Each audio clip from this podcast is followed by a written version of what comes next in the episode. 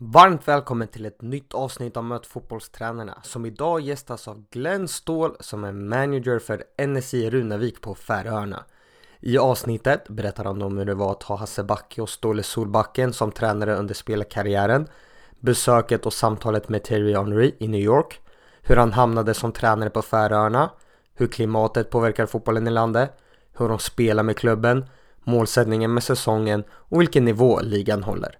Vi pratade även om att Håkan Eriksson är landets förbundskapten, vilka som är de största utmaningarna som tränare på Färöarna och om det skiljer sig från att jobba i Sverige och Norge och mycket annat. Glöm inte att följa podden i din poddspelare och på Instagram, Twitter och Facebook. Efter dagens avsnitt tar podden en kort semester och är tillbaka om två veckor. Då med ett Best of avsnitt som ni verkligen inte vill missa. Så passa på att lyssna på något avsnitt ni ännu inte hunnit lyssna på under det här korta uppehållet. Så önskar jag alla lyssnare en glad sommar och god lyssning.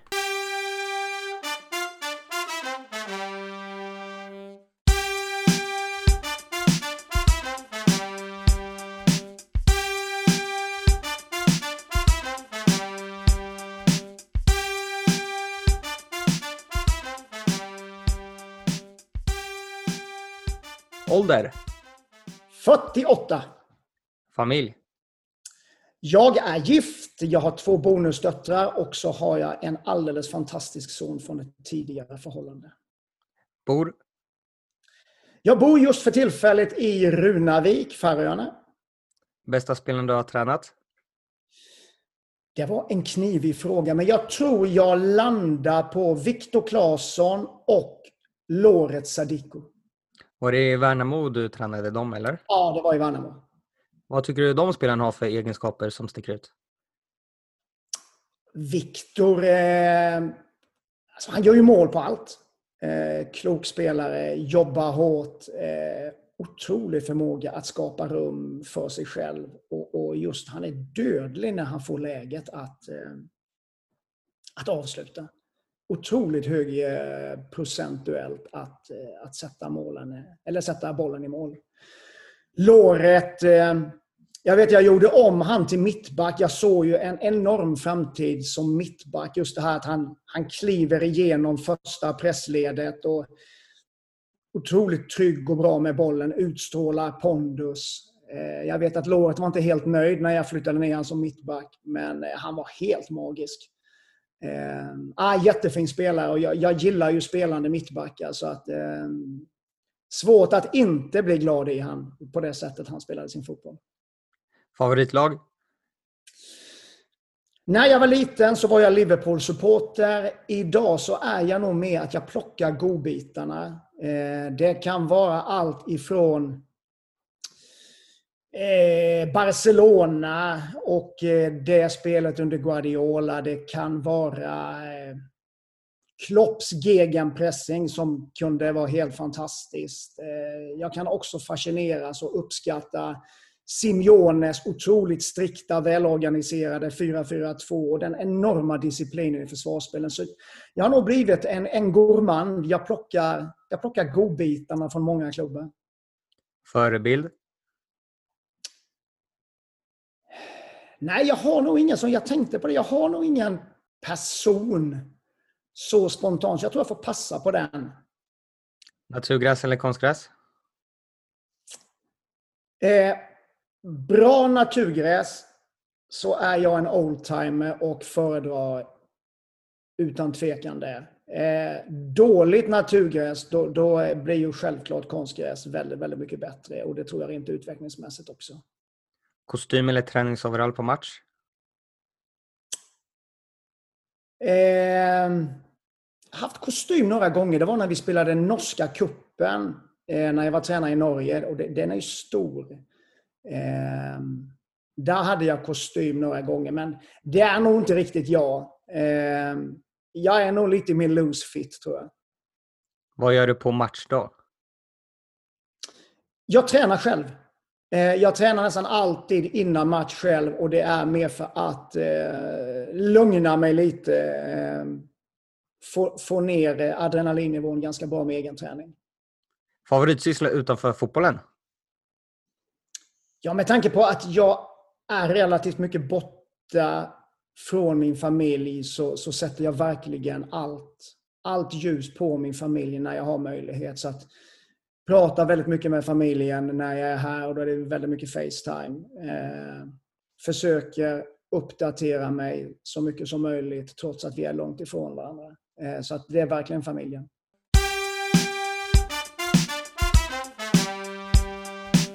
Du har väl inte missat Möt fotbollstränarens Youtube-kanal? Där finns det flertalet videos med fotbollstränare som beskriver olika taktiska moment, matcher och där du får hänga med en dag i deras liv som fotbollstränare. In och titta och glöm nu inte bort att prenumerera på kanalen.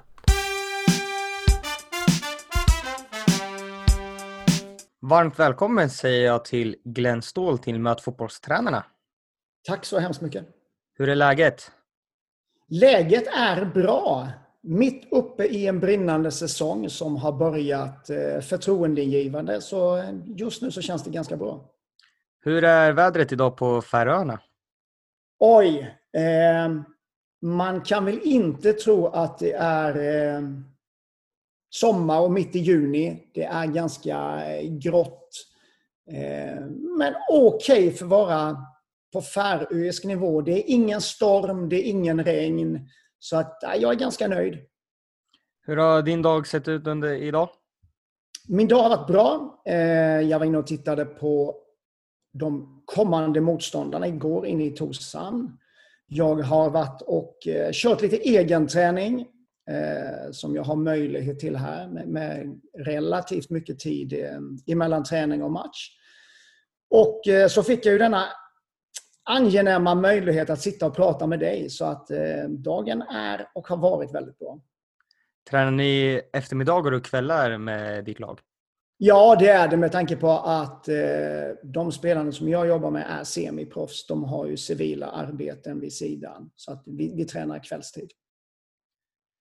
Om vi backar bandet lite, hur såg eh, din karriär ut som spelare? Började min karriär i IFK Värnamo. Eh, och egentligen gick därifrån från pojklagsspelare upp till eh, juniorspelare. Gjorde väl ifrån mig på elitpojklägret. Så egentligen från eh, 87 augusti 87 när jag spelade min första pojklandskamp till sommaren 91 när jag avslutade med ett junior-VM och, och 40, 40, jag tror det var 43 landskamper. Så vi var ute och reste väldigt mycket. Vi var väldigt framgångsrika. Spelade både EM-slutspel och VM-slutspel. En, en fantastisk, eh, fantastiskt fint minne som jag bär med mig under, under den tiden. Eh, lämnade till Öster 90, 93. Öster var väldigt bra på den tiden. Jag tror att de kom eh, trea i Allsvenskan 92. Bra lag med eh, Jesper Jansson, Ulrik Jansson, eh, Stefan Landberg, Peter Wibron, Tony Westring, Eh, Hasse Eklund, bara för att nämna några. Så att det var ett, ett, eh, väldigt bra Öster på den tiden. Så var jag där under ett år med eh, Hasse Backe var tränare där. Så vände jag tillbaka till, till Värnamo under två år, egentligen två bortkastade, misslyckade år. Där jag inte levde egentligen som en, en elitspelare borde göra när jag, när jag tittar så här i, i backspegeln. Och så bestämde jag mig att ska jag få fart på detta så måste jag flytta härifrån och, och, och eh, verkligen lägga en fokus på, på min fotboll. Så flyttade jag till Huskvarna, eller jag flyttade till Jönköping och, och valde att representera Huskvarna FF. Som då var en eh, division 2-förening, alltså på nivå 3 i Sverige. Men, men var en satsande sådan. Man hade stora ambitioner eh, på att komma vidare, att bli ett elit, eh, en, en elitförening. Och 98 där så vann vi. 99 så spelade vi i division 1 södra. Eh, 2000 så, skulle, så var det det första året som, som superettan skulle vara. Så att 99 det året när vi spelade första året i division 1 södra så, så var det ju väldigt tufft. Jag tror att det var sju från respektive division 1 södra och division 1 norra som, eh, som gick rakt upp då till den, den nuvarande superettan. Jag tror vi landade på tionde, elfte plats. Vi, vi räckte inte hela vägen till. Eh, och då finns det en norsk klubb som heter Hamkam som kontaktar eh, kontaktar egentligen klubben, men jag, jag sitter på avtal så jag kommer inte loss. Men 2001, så, eller hösten 20... Hösten 2000 så kontaktar eh, den här norska klubben eh, Husqvarna FF igen och köper loss mig. Därefter så har jag fem fantastiska år i, eh, i Norge. bland annat under Ståle Solbacken. 03, 04, 05 så har jag han som tränare. Eh, och sen så kommer jag hem, jag sliter av korsbandet 05 på hösten och, förstår ganska fort att det här kommer inte fungera. Men rehabbar och spelar ett och ett halvt år till. Men, det blir inte riktigt eh, så, som jag, eh, så som jag hoppas. Och därefter på något sätt så inleds min, min, min tränarbana. Hur var det att ha Hasse Backe och Ståle Stolbacken som tränare under din spelarkarriär? Ja, Hasse var ju... Alltså Hasse var inte så stor så som han har blivit, men man, jag märkte ju redan då, trots att jag var, var ung och oerfaren och troligtvis eh, lite dummare än vad jag är idag, att han, eh, han visste vad han pratade om och han visste vad han ville hade tydliga principer. Eh, både gällande sitt anfallsspel och sitt försvarsspel. Eh, och det är klart att ser man sen på den framgången som, som han har fått eh, under alla dessa år i de olika länderna, i de olika klubbarna, så, eh, så var han ju definitivt på rätt spår eh, redan första gången jag stiftade bekantskap med honom. Hur var det Ståle Stolbacken? Jag märkte ju att eh, Ståle blir ju värvad av Hasse Backe när Hasse Backe var i FCK. Då hade Ålborg, jag tror att Ålborg köpte han från Wimbledon. Och eh, han är väldigt bra i Ålborg eh, och eh, hämtas till FCK. Så att jag förstod ju och jag märkte när jag fick Ståle som tränare 2003 så var det väldigt mycket som jag kände igen från den, den eh, 1993 när jag hade Hasse i Östen. Ehm, ett stramt 4-4-2, en, en, en press och täckning. Eh, ett, ett, ehm, ett boxspel defensivt som, som han visste väldigt, väldigt tydligt hur han ville ha det. Så jag märkte också på övningarna, jag kände igen vissa övningsmoment väldigt tydligt. Så det fanns en igenkänningsfaktor. Du berättade ju en historia här om Ståle innan vi körde igång. Vill du dra den igen? Ja, det var ju faktiskt så 2001, mitt första år i Hamkam. Eh, och så på hösten, då, då är ju Ståle spelare i, i FCK. Och detta är dagen efter match. Eh, de är på träningsfältet och de bara har en, en liten recovery-träning. Och så sitter de och stretchar och så bara faller han, eh, faller han ihop. Och, och, ehm, det som jag har fått berättat är att spelarna bara tror att han, han latchar lite. Det visar sig att han får ett hjärtstopp. Eh, och hjärtat står stilla i sju minuter. Eh, han har sån tur att eh, en klubbläkare är där. Eh, har med sig en defibrillator av någon orsak. Och lyckas få igång hans hjärta efter sju minuter. Och, och körs ut i eller med, med ilfart till, eh, till sjukhuset. Eh, och eh, ja, han, när han kommer tillbaka så har han vissa eh, minnesförluster eh, och, och, och dylikt. Men så som det verkar, inga, inga hjärnskador. Eh, trots då att hjärtat har stått stilla i sju minuter. Och jag vet att han prövar för att kunna göra en comeback.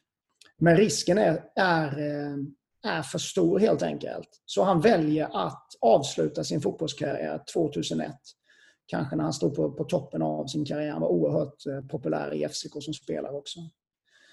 Och eh, han är ju och hade sin familj i Hamar eh, där jag spelade då i Hamkam, den här norska klubben. Så det var ju där han valde att flytta hem efter sin pension som fotbollsspelare.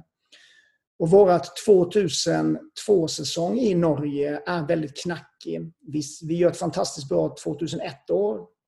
2002 så värvar vi och det handlar ju det handlar ju inte om vi ska gå upp till tippeligan utan det handlar bara om med hur många poäng vi ska vinna serien. Och vi kommer väldigt skevt ut. Eh, det blir en, en säsong där det nästan handlar mer om att överleva än att eh, vara ett topplag.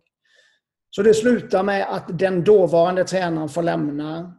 Ståle tar över och eh, han har oss 2003, 4, 5.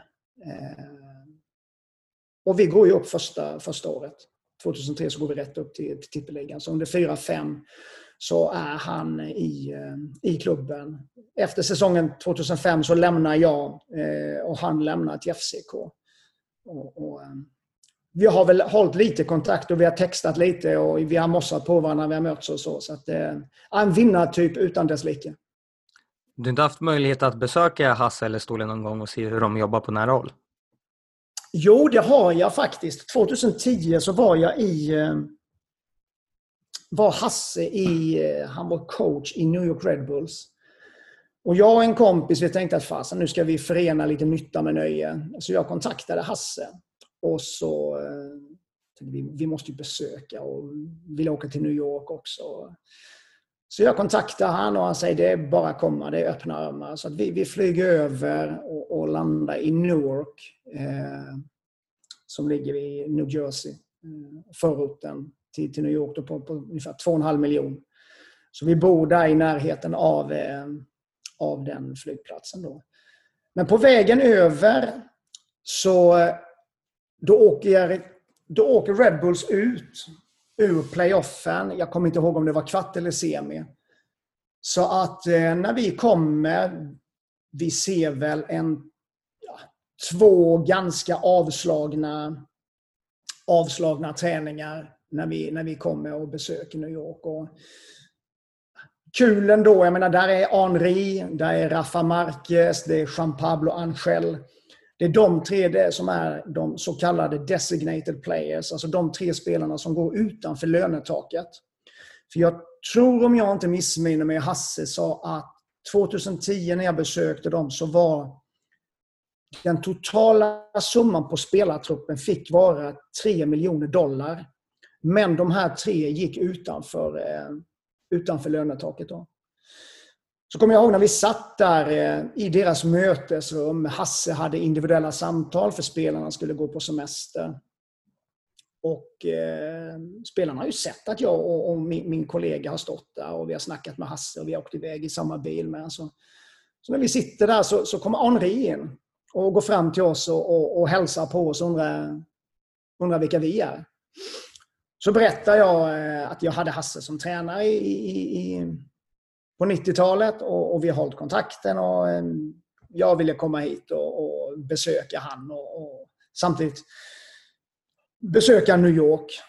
Och, eh, jag, jag har alltid varit nyfiken och lite framfusig av mig. Så jag, framförallt så var jag nyfiken då och förhöra mig lite om hur tiden i Barcelona. Det var den glory days i Barcelona med, med en, en, en otrolig fotboll, stort bollinnehav och, och är det bara det spelarnas individuella skicklighet som gör dem så vansinnigt bra eller är det någonting annat? Och det var ganska så kul när Henri berättade att han sa det är inte, det är inte bara det, du ska veta att Guardiola, alltså, han, han, han tog oss två, två gånger 30 minuter varje vecka.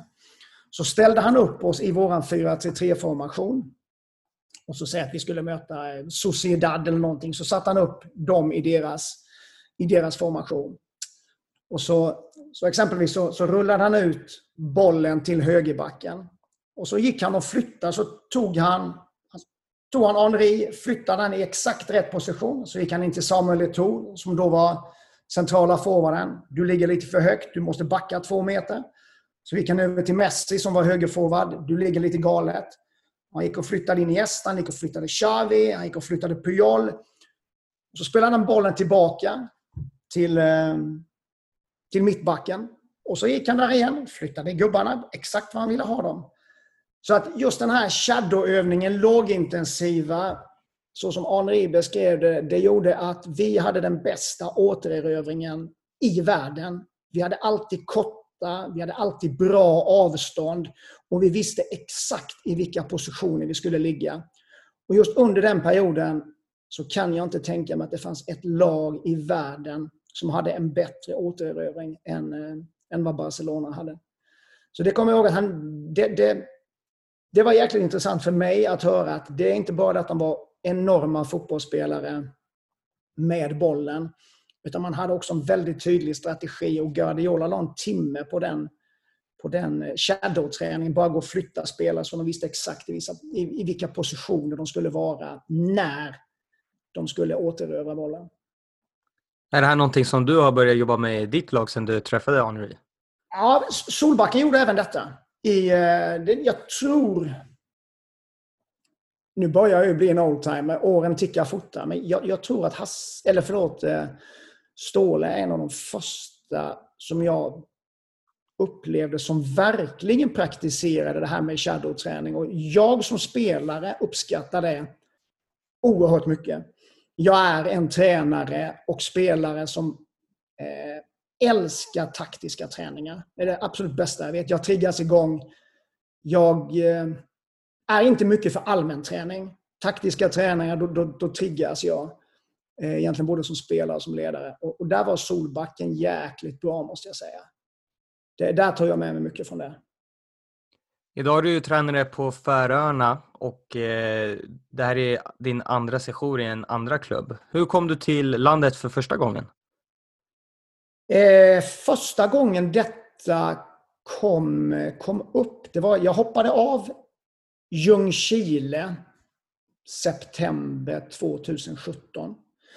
Och sen blev jag kontaktad av en dansk agent som frågade om jag skulle vara ja, intresserad att, eh, att komma till en klubb och titta på omständigheterna och förutsättningarna. Och jag sa, jag, jag känner jag har inget att förlora, herregud. Eh, fixa biljett, se till när jag ska vara klar så, så kommer jag. Så att jag, jag var ju eh, man kan väl säga att jag mötte upp med ganska blanka ark. Eh, så jag, jag flög till Färöarna. Han hämtade mig på, eh, på flygplatsen. Körde ner till Torshamn och sen satte vi oss på en båt och så åkte vi två timmar söderut. Eh, och eh, där egentligen träffade klubben, såg på, på hur förutsättningarna verkade, reste hem, hade ett snack med, med familjen. Och så bestämde vi oss väl efter en, ja, några dagar, en vecka kanske, att ja, vi, vi, vi, testar. Vi, det värsta som kan hända är att eh, man inte trivs och då får man hitta en lösning på det. Men det, det var spännande men väldigt, väldigt tufft äventyr. Du ledde ju klubben till en sjunde plats och semifinal i inhemska kuppen och det var det ju bästa klubben någonsin hade presterat. Hur var känslan när ni hade uppnått det? Den var ju självklart, alltså, förutsättningarna generellt när jag kom dit var väldigt tuff. Det var inte riktigt samma sak som jag mötte i januari när jag skulle starta upp som det som jag fick höra när jag var där och besökte klubben. Eh, väldigt, vi hade ju spelarbrist i princip. Eh, spelarna var mycket sämre tränade än vad jag trodde. Så att eh, det var inte bara positiva tankar som dök upp eh, när, jag, när jag landade där första gången.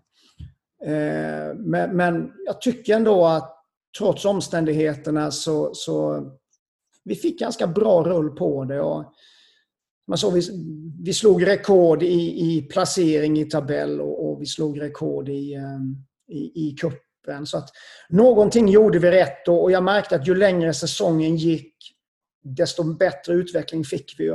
Eh, så att jag tror till och med på att tar man bara själva höstsäsongen, de sista 17 matcherna, om man bara räknar in de sista 17 så kommer vi faktiskt fyra. Så att vi hade en utveckling som pekade åt rätt håll. Det som kanske bör tilläggas då det är att det här var en, vad ska man kalla det, en koalitionsklubb då. Det var tre klubbar på den här ön som hade slagit ihop sig.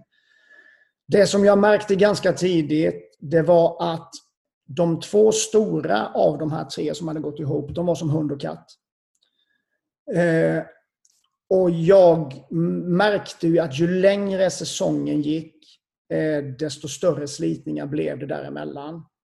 Så eh, jag kände att för det första, jag tror inte det här kommer hålla.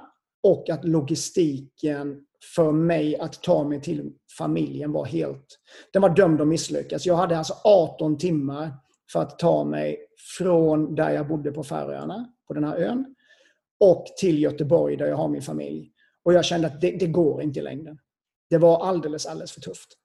Och sen visade det sig en eller två veckor efter jag har lämnat så, så slutar den här koalitionen att fungera. Att, att de här tre klubbarna går åt, åt varsitt håll. Så att min magkänsla runt att det här inte skulle fungera, det visade sig tyvärr vara sant. Laget som du tränade låg ju på en av de sydligaste öarna på Färöarna. Hur påverkade det med resor och möjligheten att kunna värva spelare och så vidare? Ja, nästan hopplöst. Eh, extremt svårt. Du får knappt färöiska spelare, om du inte bor på ön, att spela i den klubben. Och Det är just det här med tanke på att logistiken är så tuff. Alltså det är en båt som, eh, om den fungerar, så är det två timmar du ska sätta dig på. Eh, så att vi hade ju då den, den närmaste bortamatchen. Ja, då reste du ut kanske vid åtta på morgonen och du var hemma tio på kvällen. Så att vi pratar en 14-15 timmar för den närmaste bortamatchen då. Så att det var, det var tufft. Eh, det var svårt att få nya spelare. Eh, ja, det, var, det, var inte, det var inte enkelt om du hade en ambition att du skulle vara med och, och, och försöka vinna någonting. Det, det, kände jag. Hur hanterar spelarna då som har jobb vid sidan av och ändå ska försöka prestera? Tänker du på i, i den klubben eller där jag är nu eller generellt? Ja, generellt. Kan du ha båda?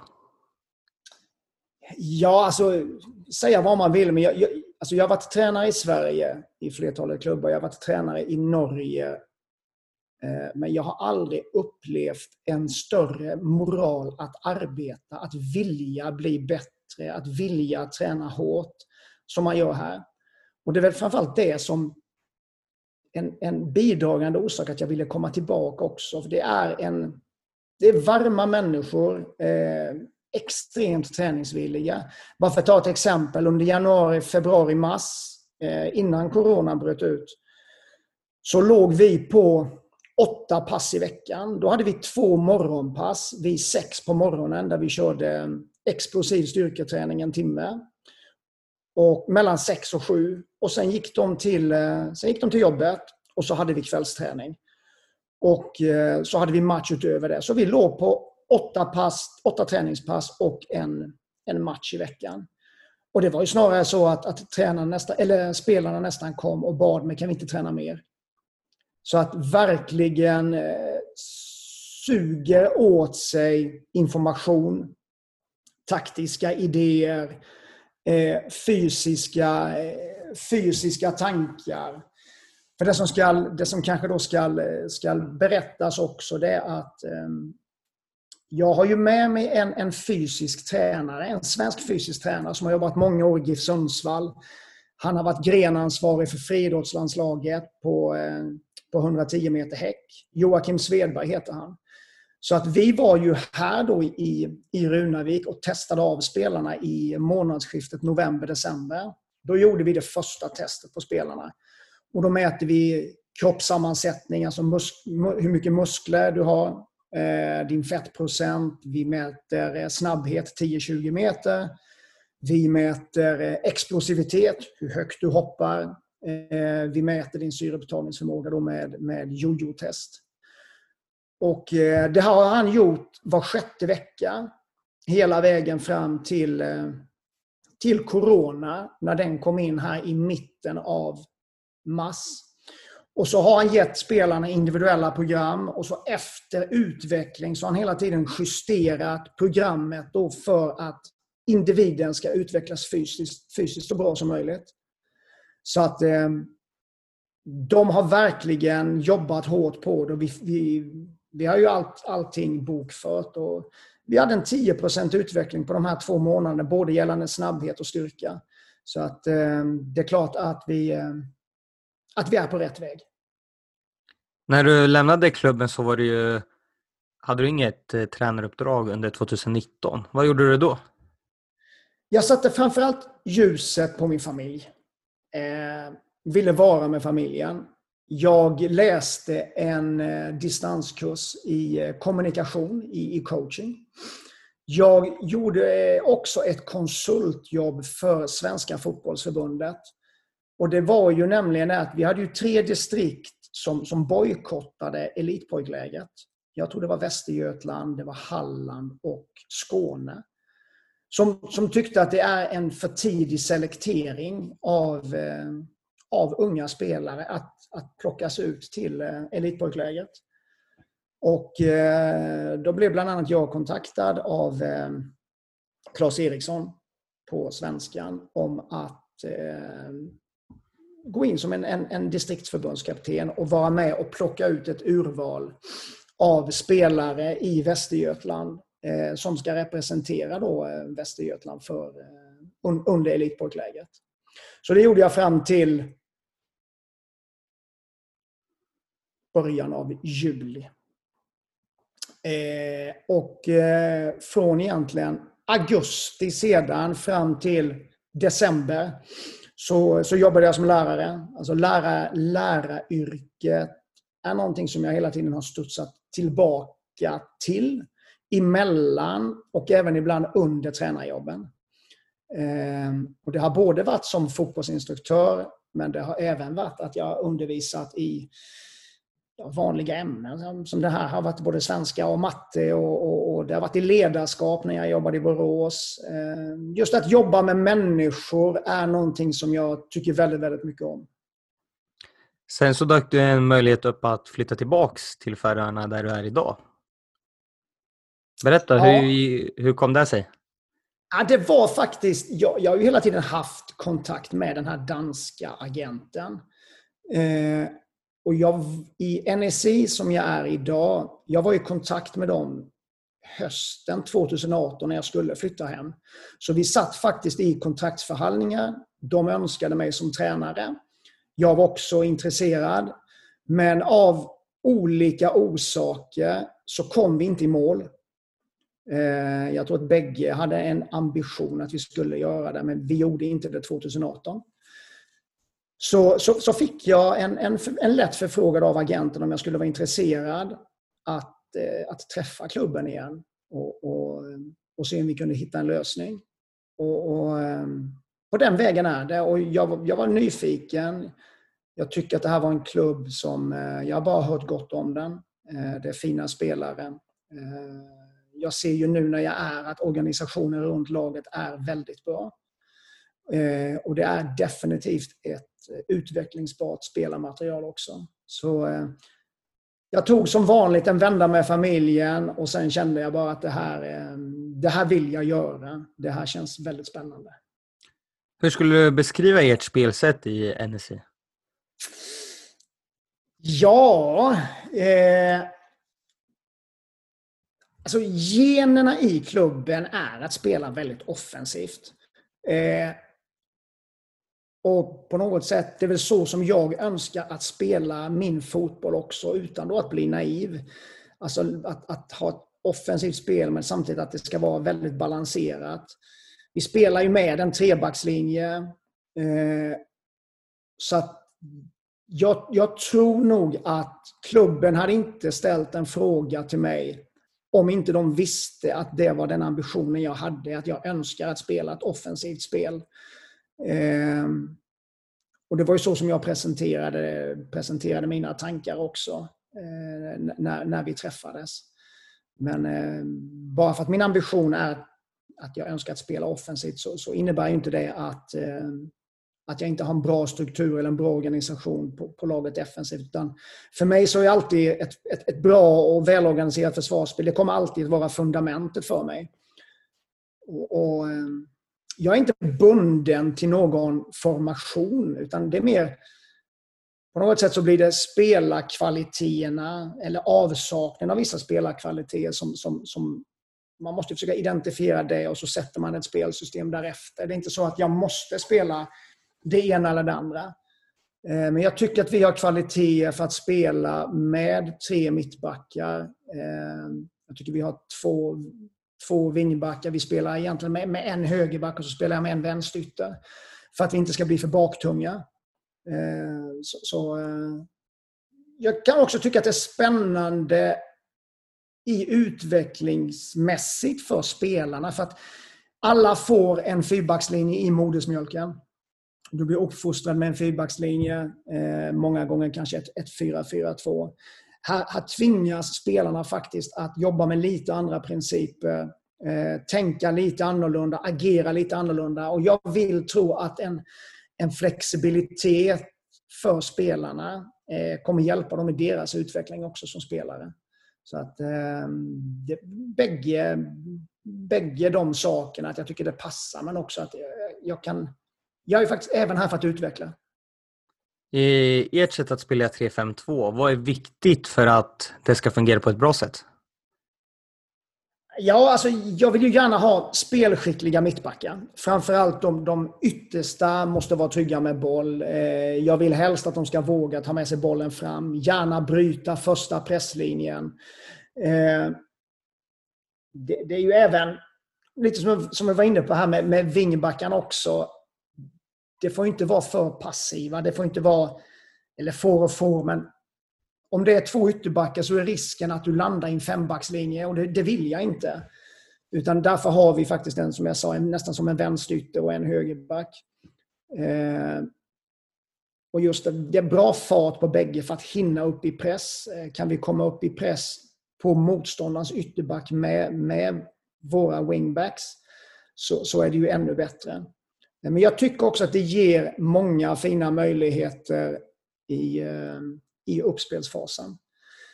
Eh, vissa väljer att spela med en fyrbackslinje och, och man, man, väljer kanske att droppa en central mittfältare utvändigt och så spelar man upp på tre där samtidigt som man trycker upp sina ytterbackar. Vissa väljer att gå brett med två mittbackar och väldigt högt med sina ytterbackar. Och Det styrs ju lite också hur man önskar att jobba i sin återerövringsfas. Jag, när vi tappar bollen så vill jag att mina spelare ska kunna jobba framåt.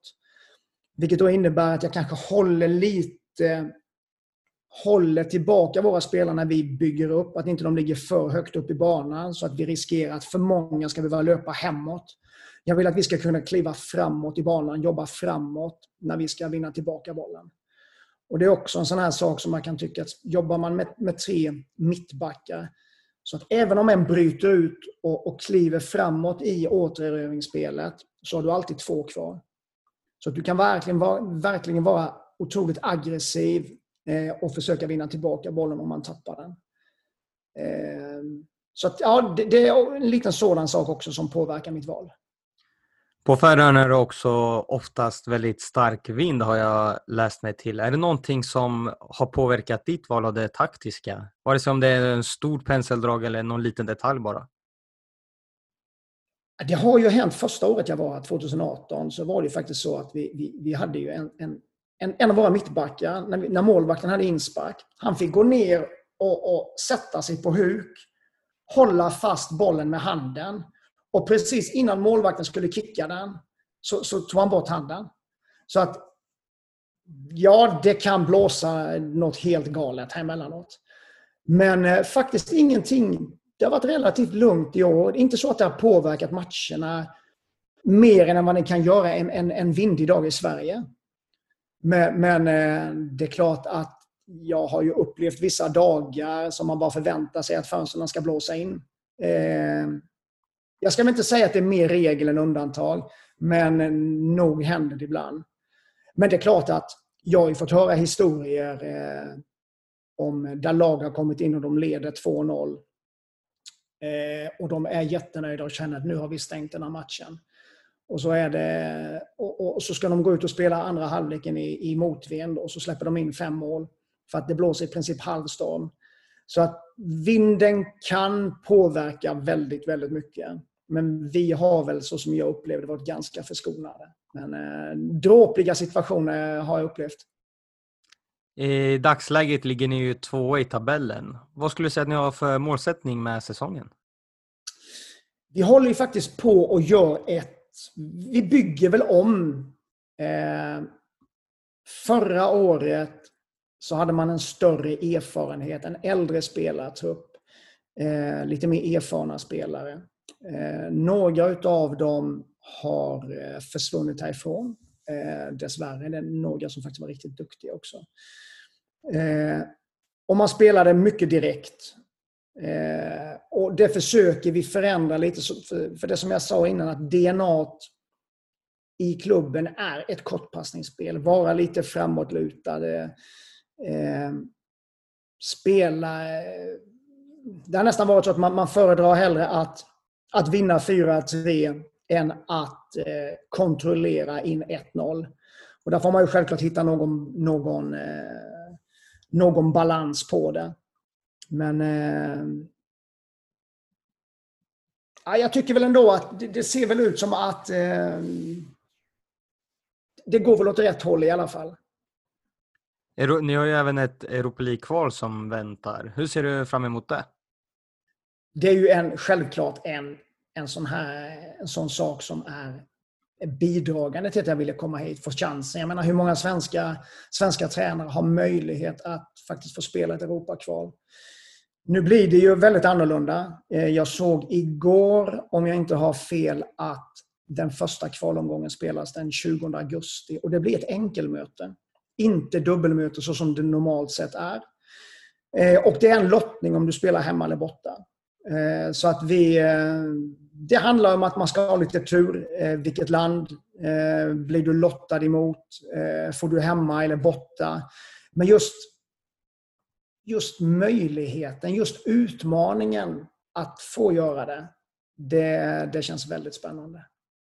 Vilken eh, klass skulle du säga att den färöiska ligan håller om man jämför med i Sverige? Jag tror man ska, man ska se det att du får dela upp ligan i två. Det är lite så som jag tror att allsvenskan kommer att... Det var lite så förra året. Jag tror kanske att den kommer bli det ännu mer i år det blir ett, ett skikt. Eh, det är en stor skillnad på våra topp fem-lag kontra den andra, om man ska säga botten fem. Eh, det märker man. Eh, topp fem-lagen tror jag skulle klara sig väldigt gott i Superettan.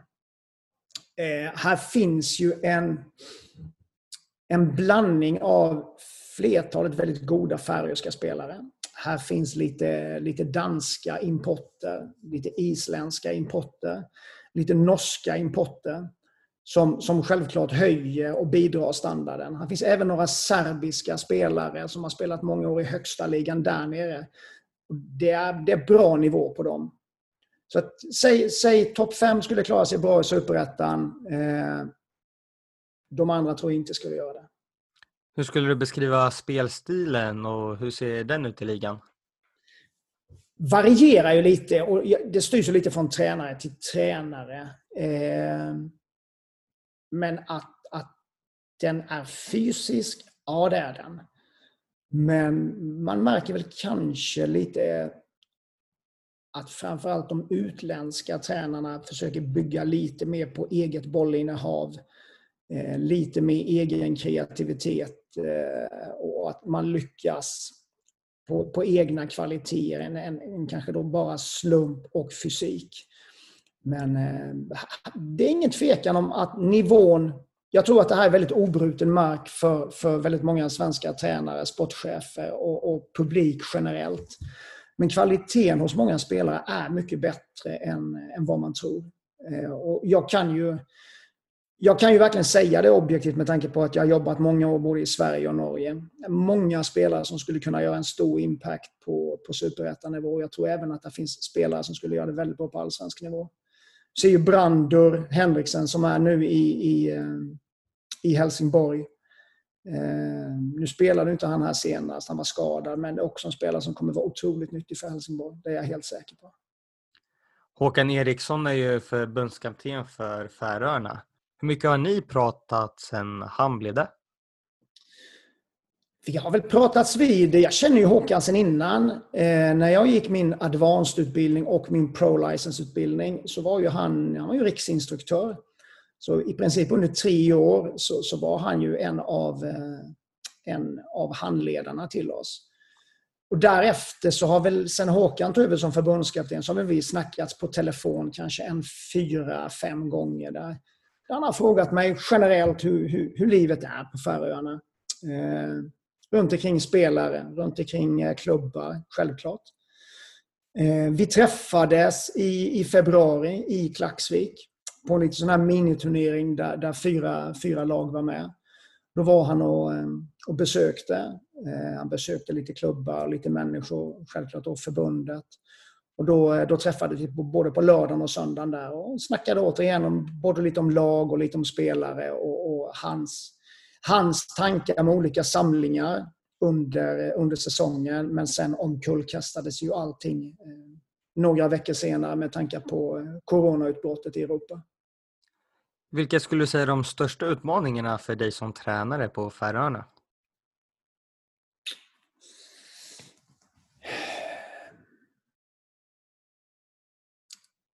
Vara borta från familjen. Skulle jag vilja säga. Eh, jag har det väldigt bra där jag befinner mig. Jag, jag bor bra, en välskött förening. Organisationen runt klubben är, är bra. Eh, väldigt bra människor i och runt den. En, en spelartrupp som är enormt träningsvilliga och utvecklingspotentialen är stor. Eh, så att just sportsligt finns det inga, eh, så som jag ser det, några negativa. Utan här handlar det om att jobba vidare, utveckla vidare. Men det är klart att det kommer dagar där, där det dåliga samvetet påminner sig starkare Eh, både mot min fru och, mot mina barn. Eh, även om det här beslutet är någonting som vi har tagit i eh, tillsammans. Och, och eh, vi ser ju detta som ett litet äventyr för oss alla. Eh, inte minst så hoppas jag ju nu att Danmark öppnar upp också så att min familj kan komma hit och besöka mig och se hur jag har det och, och, och att de kan vara närvarande. Men det är väl det som jag ser det, det är min stora utmaning. Eh, ditt senaste uppdrag i Sverige var ju som tränare för Ljungskile och precis som du har nämnt har du även varit i Norge. Skulle du säga att det skiljer sig på något sätt att coacha de här olika länderna? Nej, det, jag har svårt att... Jag var rädd att det blir ett generaliserande svar. Eh, jag tror mer det styrs av hur välmående och hur välorganiserad den klubben är som jag kommer till. Eh, och många gånger så är det en bra organisation runt klubben så är ju självklart sannolikheten större att, eh, att eh, det blir ett bra resultat och en bra utveckling. Jag menar, tittar man på länderna generellt, eh, alltså hur man är som människa så skiljer det sig inte mycket från en, en, en svensk spelare till en norsk till en färöisk. Eh, utan tycker det finns, finns mer liknelser än, än, eh, än saker som man inte känner igen. Utan jag, jag, tror mer det handlar om hur välmående och välskött och välorganiserad klubben är. Det är mer det som påverkar än att det är nationalitet, skillnad mellan Sverige, Norge och Färöarna. Så du har inte behövt liksom ändra ditt ledarskap på något sätt för, beroende på vart du har varit?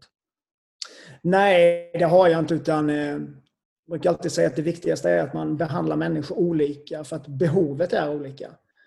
Eh, och jag menar det, det är väl nästan det första som jag alltid försöker göra när jag kommer till en klubb. Det är att identifiera och komma in under skinnet på människan. Lära känna människan bakom eh, fotbollsspelaren. För att det är väldigt mycket fasad. Jag menar fotboll det är en, en stor machokultur. Men kan jag komma åt människan bakom så blir det också lättare för mig att veta hur jag ska behandla han vid, framförallt vid, vid, vid, vid tuffa lägen med eh, när man kanske ska plocka bort honom ur laget, eh, när, vi har det, när vi har det tufft, vi förlorar matcher. Vissa kan du vara väldigt rak mot, du kan vara väldigt tydlig och du vet att han tar det, det är inga problem. Eh, han kommer vara bra. Och vissa måste du lyfta och vissa ska, ska du skryta lite extra. Och, och, att de ska känna faktiskt att de har möjlighet att misslyckas och det är inga problem. Du, du, du kommer få spela nästa fight ändå. Så att, eh, det är det som gör ledarskapet, eller att vara tränare, så otroligt komplext. Du ska vara hobbypsykolog. Du ska vara eh, fystränare. Du ska vara vanlig tränare. Eh, du ska helst kunna skadebiten. Eh, och, och att, att mixtra, mixtra ihop detta på ett bra sätt är inte alltid enkelt, men det är, eh, det är otroligt spännande. Återigen, jag tror att en stor nyckel är att komma åt människorna. Komma åt människan bakom fotbollsspelaren. För att få ut det bästa av varje individ. Vilken tränare skulle du vilja lyssna på i podden? Oj!